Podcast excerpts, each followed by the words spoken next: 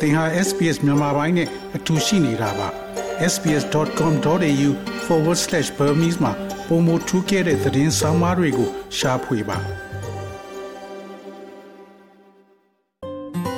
SBS မြန်မာပိုင်းကို အင်ကာနဲ့စနေနေ့ည10:00နာရီမှနားဆင်နိုင်တယ်လို့အွန်လိုင်းကနေလည်းအချိန်မီနားဆင်နိုင်ပါပြီ။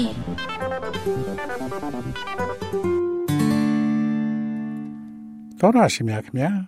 ကိုလက်လှုပ်ရှားမှုပုံမှန်လှုပ်ခြင်းသည်ရုပ်ပိုင်းဆိုင်ရာနှင့်စိတ်ပိုင်းဆိုင်ရာကျန်းမာရေးနှင့်ဒုက္ခချမ်းသာမှုအတွက်မရှိမဖြစ်လိုအပ်တဲ့အရာဖြစ်ပါတယ်။ဩစတြေးလျမှာအဆင့်တိုင်း၌အားကစားလှုပ်ရှားမှုတွင် ပါဝင်ရန်အခွင့်အလမ်းများအများကြီးရှိပါတယ်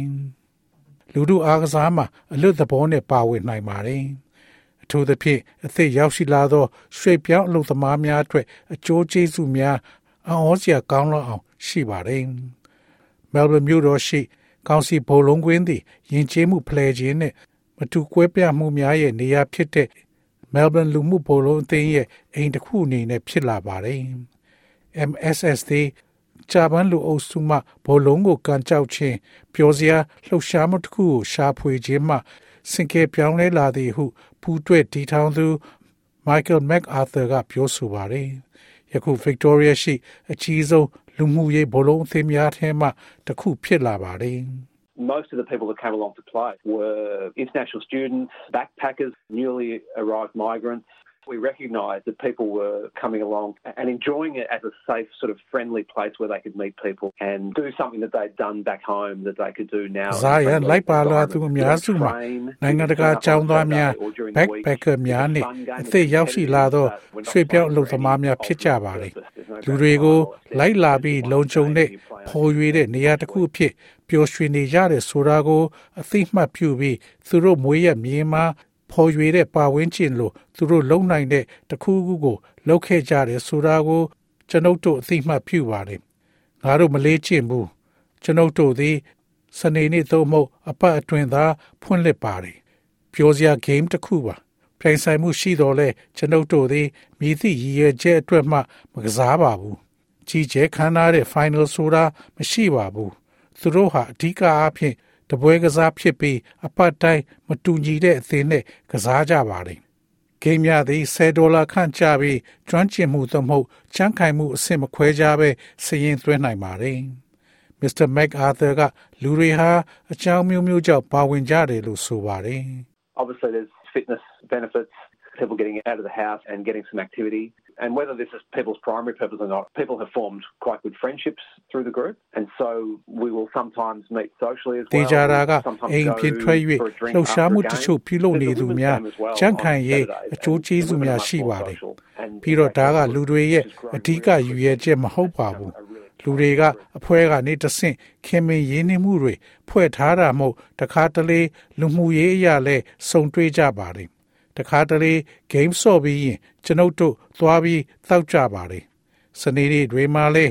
အမျိုးသမီးတွေကစားတဲ့ပွဲလေးရှိပြီးအမျိုးသမီးတွေကလူမှုဆက်ဆံရေးပိုကောင်းကြပါတယ်အမှန်တော့သူတို့အဖွဲ့ဟာတကယ်ကိုလျင်မြန်စွာကြီးထွားလာနေပြီးတကယ်ကိုဘက်ပေါင်းစုံပေါင်းစည်းထားတဲ့အုပ်စုတစ်ခုဖြစ်လာပါတယ်မော်လီနာ အစတာနီကဲ့သို့သော လူများရဲ့ခြေဆုကြောင့်ယဉ်ကျေးမှုပေါင်းစုံမှ အမျိုးသမီးများသည် အားကစားသို့လမ်းကြောင်းများရှာဖွေလာကြပါသည်။သူမသည် Multicultural Women in Sport MWIS ကိုတည်ထောင်ခဲ့သူဖြစ်ပါတယ်။ဤအဖွဲ့ဟာအမျိုးသမီးများရင်ဆိုင်နေရတဲ့အတားအဆီးများစွာကို အသိမှတ်ပြုထားပြီး၎င်းတို့ရဲ့စွမ်းဆောင်နိုင်မှုဒုက္ခချမ်းသာနှင့်လူမှုအသိုက်ဝိုင်းနှင့် သက်ဆိုင်သောခံစားမှုအတွက်အားကစားတွင်ရည်ကြည်မှုပေါင်းစုံအမျိုးသမီးများရဲ့ပါဝင်မှုကိုအားပေးပါတယ် They differ from culture to culture, but for most of the communities, it is the gender norms and the traditional role of women in societies. There's also lack of safe and welcoming environments. The existing culture and sporting clubs can be predominantly male dominated, Anglo-Saxon. ၎င်းတို့သည်ယဉ်ကျေးမှုတစ်ခုနဲ့တစ်ခုမတူညီတော့လဲလူမှုအတိုင်းဝိုင်းအများစုအတွက်၎င်းမှာကြားမှစံနှုန်းများနှင့်လူအဖွဲ့အစည်းအတွင်းအမျိုးသမီးများရဲ့ရိုးရာအခမ်းကဏ္ဍဖြစ်ပါတယ်။ဘေးကင်းပြီးကြိုဆိုရမယ့်ပါဝင်ခြင်းလဲ ချို့တဲ့နေတယ်။အားကစားကလပ်များတွင်လက်ရှိယဉ်ကျေးမှုသည်အမျိုးသားများသာလွှမ်းမိုးထားနိုင်ပြီး Anglo-Saxon လူများသည်တခါတရံရက်ကသူတို့ကို မောင်းနှင်းနေပါတယ်မတူကွဲပြားသော နောက်ခံရှိ အမျိုးသမီးများအတွက်ဤအရာသည် အလွန်ကြောက်စရာကောင်းပါတယ်အဲဒီမှာစီးပွားရေးအတားအဆီးတွေလည်းရှိပါတယ်အားကစားသည်၎င်းတို့ရဲ့ဦးစားပေးစည်ရင်းတွင် နောက်ဆုံးအရာဖြစ်နေပါတယ်တချို့သောယဉ်ကျေးမှုများအတွက် ပညာရပ်များကို အလေးထားတဲ့အတွက်အားကစားမလုပ်ခြင်းလည်းရှိနိုင်ပါတယ် MWIS သည်အမျိုးသမီးဒိုင်လူကြီးများနှင့်နီးပြများနှင့်အတူအမျိုးသမီးသီးသန့်အားကစားများတချို့ယဉ်ကျေးမှုအရရှေလျားသောအဝတ်စားသို့မဟုတ်ဟီဂျပ်များဝတ်ဆင်ခြင်းကလေးရှိတဲ့အမျိုးသမီးအတွက်လှုပ်ရှားမှုများနဲ့အားကစားအုပ်ချုပ်မှုဆိုင်ရာအမျိုးသမီးများအတွက်ပိုများသောအားကစားနည်းများကဲ့သို့သောအစပြိုးမှုများကို ပံ့ပိုးပေးထားပါတယ်။အားကစားကစားခြင်းသည် အမျိုးသမီးများအားဩစတြေးလျလူနေမှုပုံစံနဲ့အလုံးနဲ့လိုက်လျောညီထွေဖြစ်စေတယ်လို့ Miss Estani ကပြောဆိုပါတယ်။ it gives you the confidence, self esteem, and empowers you. It helps you overcome issues of isolation and depression in a new country, find peer support from supporting groups, develop camaraderie, get the support, strength, and self belief. ၎င်းသည်သင်အားယုံကြည်မှုကိုကိုကိုလေးစားမှုနဲ့သင်အားခွန်အားပေးပါသည်။၎င်းသည်သင်အားနိုင်ငံသစ်တွင်အထီးကျန်မှုနဲ့စိတ်သက်ကြမှုပြဿနာများကိုကျော်လွှားရန်ကူညီပေးပါသည် အားကစားအဖွဲ့များမှသက်တူရွယ်သူများရဲ့ပံ့ပိုးကူညီမှုကို ရှာဖွေလို့ရပါတယ်။ပေါင်းတင်ဆက်ဆံရေးကိုမြင့်တင်ရန်အထောက်အပံ့ခွန်အားနဲ့ကိုကိုကိုယုံကြည်ချက်ရယူရတခါတရံတွင်လည်းကြမ်းတမ်းရိုင်းဆိုင်သောဆက်ဆံမှုမှ ထွက်လာနိုင်ပါတယ်။ပြီးတော့နိုင်ငံသစ်တစ်ခုမှာပါဝင်ခြင်းရဲ့ခံစားချက်ကိုဖန်တီးပေးပါတယ် ထို့အပြင်၎င်းသည်တချို့သောယဉ်ကျေးမှုများတွင် လွှမ်းမိုးနေသောကြားမှဆန်နှုံများကိုလည်းစိန်ခေါ်နေပါသည်။ရရွာအားကစားသည် အသက်အရွယ်မရွေးပါဘူး။အာမခံချက်များအတွက်သင်သည် အသက်16နှစ်ဖြစ်ရမည်ဖြစ်သောလေ Melbourne Social Soccer သည်ကျေပြန့်သော အသက်ပိုင်းခြားကိုကိုစားပြုတယ်လို့ Mr. MacArthur မှပြောကြားပါတယ်။ There's some younger guys in their 20s, quite a few guys in their 30s, and a handful of people in their 40s and 50s. That's the thing that people like when they turn up and they realize that it's not အသက်20အရွယ်လူငယ်တချို့အသက်30ပါဝင်ရှင်ရှိယောက်ျားလေးအနေငယ်နဲ့အသက်40နဲ့50နှစ်များအတွင်းလက်တဆုပ်စာလူတချို့ရှိပါတယ်။အဲ့ဒါက professional စံနှုန်းမဟုတ်မှန်းသိလာတဲ့အခါလူတွေကသဘောကျတဲ့အရာဖြစ်လာပါတယ်။ အဝင်ခွင်ချဖြစ်เสียမလိုပါဘူးငယ်နေစရာမလိုပါဘူးအဲ့ဒါကရည်ရွယ်ချက်တစ်ခုလုံးပါပဲအားလုံးပါဝင်ဖို့ရည်ရွယ်ထားတာပါ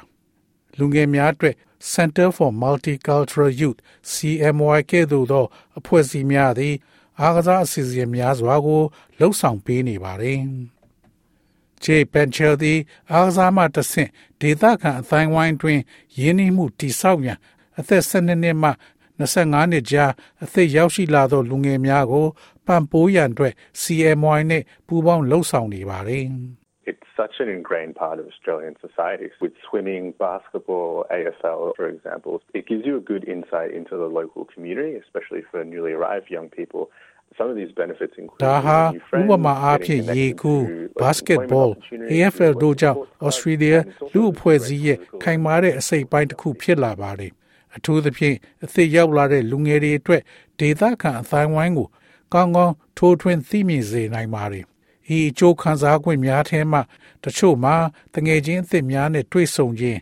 သင်ဒေသတွင်အားစားကလပ်များမှတဆင့်ဒေသတွင်အလောက်ကန်အခွင့်အလမ်းများနှင့်ချိတ်ဆက်ခြင်း၎င်းသည် လူငယ်များအတွက်ရုပ်ပိုင်းဆိုင်ရာ စိတ်ပိုင်းဆိုင်ရာကိရိယာကောင်းတစ်ခုလည်းဖြစ်ပါတယ်။ကျောင်းတက်ပြီးနောက်အားကစားလှုပ်ဆောင်မှုတစ်ခုသည် Melbourne Hume ဒေသရှိလူငယ်အကူအပြောင်းပံ့ပိုးမှုအစီအစဉ်ရဲ့တစိမ့်တစ်ပိုင်းဖြစ်ပါတယ်။ So we collaborate with the Broadmeadows Leisure Centre to do afternoon futsal, volleyball, basketball and swimming. What we do as well is have employment opportunities to learn like soccer accreditation, basketball coaching accreditation, umpiring courses because we want ကျွန်တော်တို့ဒီနေတဲ့ကင်းမှာ futsal, volleyball, basketball နဲ့ရေကူးပွဲများပြုလုပ်ရန် Broadmeadow Leisure Center နှင့်ပူးပေါင်းဆောင်ရွက်ပါတယ်။ဘိုလုံးကိုအသိမှတ်ပြုခြင်း basketball နီးပြအသိမှတ်ပြုခြင်းနဲ့အဆင့်မြင့်တရားဝင်အသိမှတ်ပြုခြင်းသင်တန်းများကို လေးလာရန်အလောက်ကန်ခွင့်လန်းများကိုလည်းပေးဆောင်ပါတယ်။ဘာကြောင့်လဲဆိုတော့ကျွန်တော်တို့ကလူငယ်တွေကိုဒီသင်တန်းတွေကိုလှုပ်ပြီးပေါ်ပေါ်ပါပါနဲ့ဒါမှမဟုတ်ဒေသတွင်းအားကစားကလပ်တွေနဲ့အချိန်ပိုင်းဒါမှမဟုတ် သူတို့ရဲ့ဒေသအားကစားစင်တာမှာအလောက်ခန့်စီခြင်းတာကြောင့်ပါပြီးတော့ဘယ်သူသိနိုင်မလဲအဲ့ဒါကအချိန်ပြည့်အသက်မွေးဝမ်းကြောင်းအလုပ်တစ်ခုအဖြစ်ပြောင်းလဲသွားနိုင်ပါတယ် CMY ရဲ့အားကစား program များသည်စွမ်းရည်အားလုံးပါဝင်သည့်လူငယ်များကိုပံ့ပိုးပေးပါတယ်။တစုံတဦးသည်မသာမစွမ်းဖြစ်သည့်အခါ center သည်၎င်းတို့အား basketball ကစားဖို့ဘိန်းတက်ထားတဲ့ကလထိုင်း မသန်စွမ်းအားကစား Victoria နှင့်ရေချင်းပြည့်မီသောအစီအစဉ်များရှိတဲ့ Australia ကိုကြိုးဆိုခြင်းကဲ့သို့သောလှုပ်ဖို့ကိုင်းဖက်များနဲ့ချိတ်ဆက်ပေးပါတယ်။ဒေသတွင်အားကစားအခွင့်အလမ်းများကိုဘယ်မှာရှာမလဲဆိုတာဒီဇိုင်းတွေကိုမေးဖို့လူငယ်တွေအတွက်အတော်လေးတုံ့လှုပ်စရာကောင်းတယ်လို့ Mr. Penchel ကပြောဆိုပါတယ်။ကျောင်းများဟာစတင်ရန်နေရာကောင်းတစ်ခုဖြစ်ပါတယ်။ Local schools usually have a good knowledge of the local community around them. Local councils throughout Australia are another first step because they have specifics about what clubs are available, who's taking new players, if you've got friends who are already playing sports as well. Ask them ဒေသခံကျောင်းများသည်များသောအားဖြင့်၎င်းတို့ရဲ့ဒေသခံအတိုင်းဝိုင်းနှင့်ပတ်သက်တဲ့ဗဟုသုတကောင်းများရှိကြပါလေ။ Australia တဝန်ရှိဒေသဆိုင်ရာကောင်စီများဟာကလပ်အသင်းများဖြစ်ပြီးအားကစားသစ်များ ရယူမဲ့အကြောင်းအသေးစိတ်အချက်လက်များရှိသောကြောင့်၎င်းတို့သည်ပထမခြေလှမ်းဖြစ်သင့်ပါတယ်။အားကစားလုပ်နေတဲ့သူငယ်ချင်းများရှိရင်ဘလို့ပါဝင်လို့ရမလဲကိုမေးပါ။ဩစတြေးလျနိုင်ငံတဝန်းရှိ လူငယ်အဖွဲ့အစည်းများသည်မြည်သည့်အရာရှိနိုင်သည်မြည်သူနှင့်စကားပြောရမည်။ထို့နောက်ဒေသတွင်အားကစားအခွင့်အလမ်းများနှင့်ချိတ်ဆက်နိုင်သည်ကို မြင်တွေ့ရန်အမြဲတမ်းကောင်းမွန်သောလမ်းကြောင်းတစ်ခုဖြစ်ပါတယ်။ social media မှာတဆင့် Melbourne Social Soccer ကဲ့သို့သောရက်ရွာအားကစားကလပ်များကိုသင်ရှာတွေ့နိုင်တယ်လို့ Michael MacArthur ကပြောဆိုပါတယ် The majority of people would discover us through Meetup. It's where people can meet up and look for all sorts of different activities. That's where you လူ sign up များစု and you သည် pay for your game. meet up မှတဆင့်ကျွန်ုပ်တို့ကိုရှာဖွေတွေ့ရှိကြပါတယ်။အဲဒီမှာလူတွေတွေ့ဆုံပြီးလှုပ်ရှားမှုအမျိုးမျိုးကိုရှာဖွေနိုင်ပါတယ်။ အဲ့ဒါကသင်အကောင့်ဖွင့်ပြီးအပတ်တိုင်းသင် games အတွက်ငွေပေးချေရတဲ့နေရာပါ။ကျွန်ုပ်တို့လည်း social media ပေါ်မှာနှုတ်ဆက်စကားမှတဆင့်လဲဖြစ်နိုင်ပါတယ်။ဒေသဆိုင်ရာကောင်စီများသည် အခမဲ့သို့မဟုတ်ကုန်ကျစရိတ်နည်းသော အားကစားလှုပ်ရှားမှုများကို ပေးနိုင်ပါတယ်။မော်လီနာအက်စတာနီသည်ဩစတြေးလျအားကစားယဉ်ကျေးမှုမှလှုံ့ဆော်မှုခံရပြီးအလုပ်တွင် ထိမ့်သိမ့်မှုအဖွဲ့နှင့် ပူးပေါင်းဆောင်ရွက်ခဲ့ပါတယ်။ယခုသူမသည်မာရသွန်တစ်ဝက်လောက်ကိုပြေးနေပြီဖြစ်ပါတယ်။ I think just find a local group in your area and join whatever sport takes your fancy. So there are organizations that run cycling groups. There's even Bushwalking Australia. There's park runs. If you want to participate in team sport, then the local club in your area is the best place to start. Sometimes community groups also run programs သင်ရဲ့ in နေမြေ sports မှာ and combine ဒေ them သ with ခံ social အဖွဲ့တစ်ဖွဲ့ကို activities. ရှာပြီး And then သ local င်ရဲ့ councils also စိတ်ကူးရင်အားကစားကို So you can go နှစ်သက် to တဲ့ get some အားကစား information တစ်ခုခု about မှာ what's happening in ပါ your ဝင်လိုက်ပါ suburb and စပိန်စီးတဲ့အဖွဲ့တွေလဲပတ်တဲ့အဖွဲ့အစည်းတွေရှိပါတယ် Bushwalking Australia တောင်ရှိပါတယ် Parkrun လည်းရှိပါတယ်အသင်းအားကစားမှာပါဝင်ခြင်းတဲ့ဆိုရင်တော့သင် area မှာရှိတဲ့ဒေသခံကလပ်ကစတင်ဖို့ကတော့အကောင်းဆုံးနေရာပါပဲတခါတရံတွင်ရက်ရွာအဖွဲ့များသည့်အားကစားအစီအစဉ်များကိုလှုပ်ဆောင်ကြပြီး၎င်းတို့ကို လူမှုလှုပ်ရှားရေးများနှင့်ပေါင်းစပ်ထားပါတယ်ထို့နောက်ဒေသဆိုင်ရာကောင်စီများသည်စတင်ရန်နေရာကောင်းတစ်ခုဖြစ်ပါတယ် သင်ရဲ့စင်ကြေဘုံရက်ွက်မှာဖြစ်ပျက်နေတဲ့အချက်လက်တချို့ကိုသင်ရနိုင်ပြီးအဲ့ဓာတွေကိုသင်သွားလို့ရပါတယ်ငယ်ရွယ်သည်ဖြစ်စေအသက်ကြီးသည်ဖြစ်စေလူတိုင်းရဲ့ကျန်းမာရေးအတွက်တက်ကြွစွာလှုပ်ရှားရန်အရေးကြီးပါတယ်။ဒါပေမဲ့အသက်အရွယ်နဲ့ရုပ်ပိုင်းဆိုင်ရာ အခြေအနေတွေပေါ်မူတည်ပြီးပြင်းထန်မှုနဲ့လှုပ်ရှားမှုပမာဏကကွဲပြားပါတယ်။လေ့ကျင့်ခန်း လုံယုံလှုပ်စဉ်အသစ်မစတင်မီကျမ်းမာရေးစောင့်ရှောက်မှုကျွမ်းကျင်သူနဲ့အမြဲတမ်းစစ်ဆေးပါပုံမသိရှိလိုပါကသို့မဟုတ်သည့်အနည်းရှိအားကစားကလပ်တစ်ခုခုကိုရှာဖွေရန် The Australian Sport Commission website ဖြစ်တဲ့ spotaus.gov.au တွင်သွားရောက်ကြည့်ရှုနိုင်ပါတယ်။သောရရှိမြခင်ဗျာ SPS သတင်းဌာနက Melissa Compagnoni ရဲ့ဆောင်းပါးကို ဘာသာပြန်တင်ဆက်ပေးထားတာဖြစ်ပါတယ်ခင်ဗျာ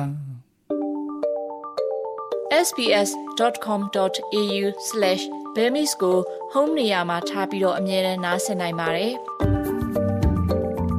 နောက်ဆုံးရသတင်းတွေ၊ဆောင်းပါးတွေနဲ့စစ်တမ်းတွေမှာပါဝင်ပြီးတော့ဆက်သွယ်မှုလုပ်နိုင်ပါတယ်။ sbs.com.au/bemis ဖြစ်ပါတယ်ရှင်။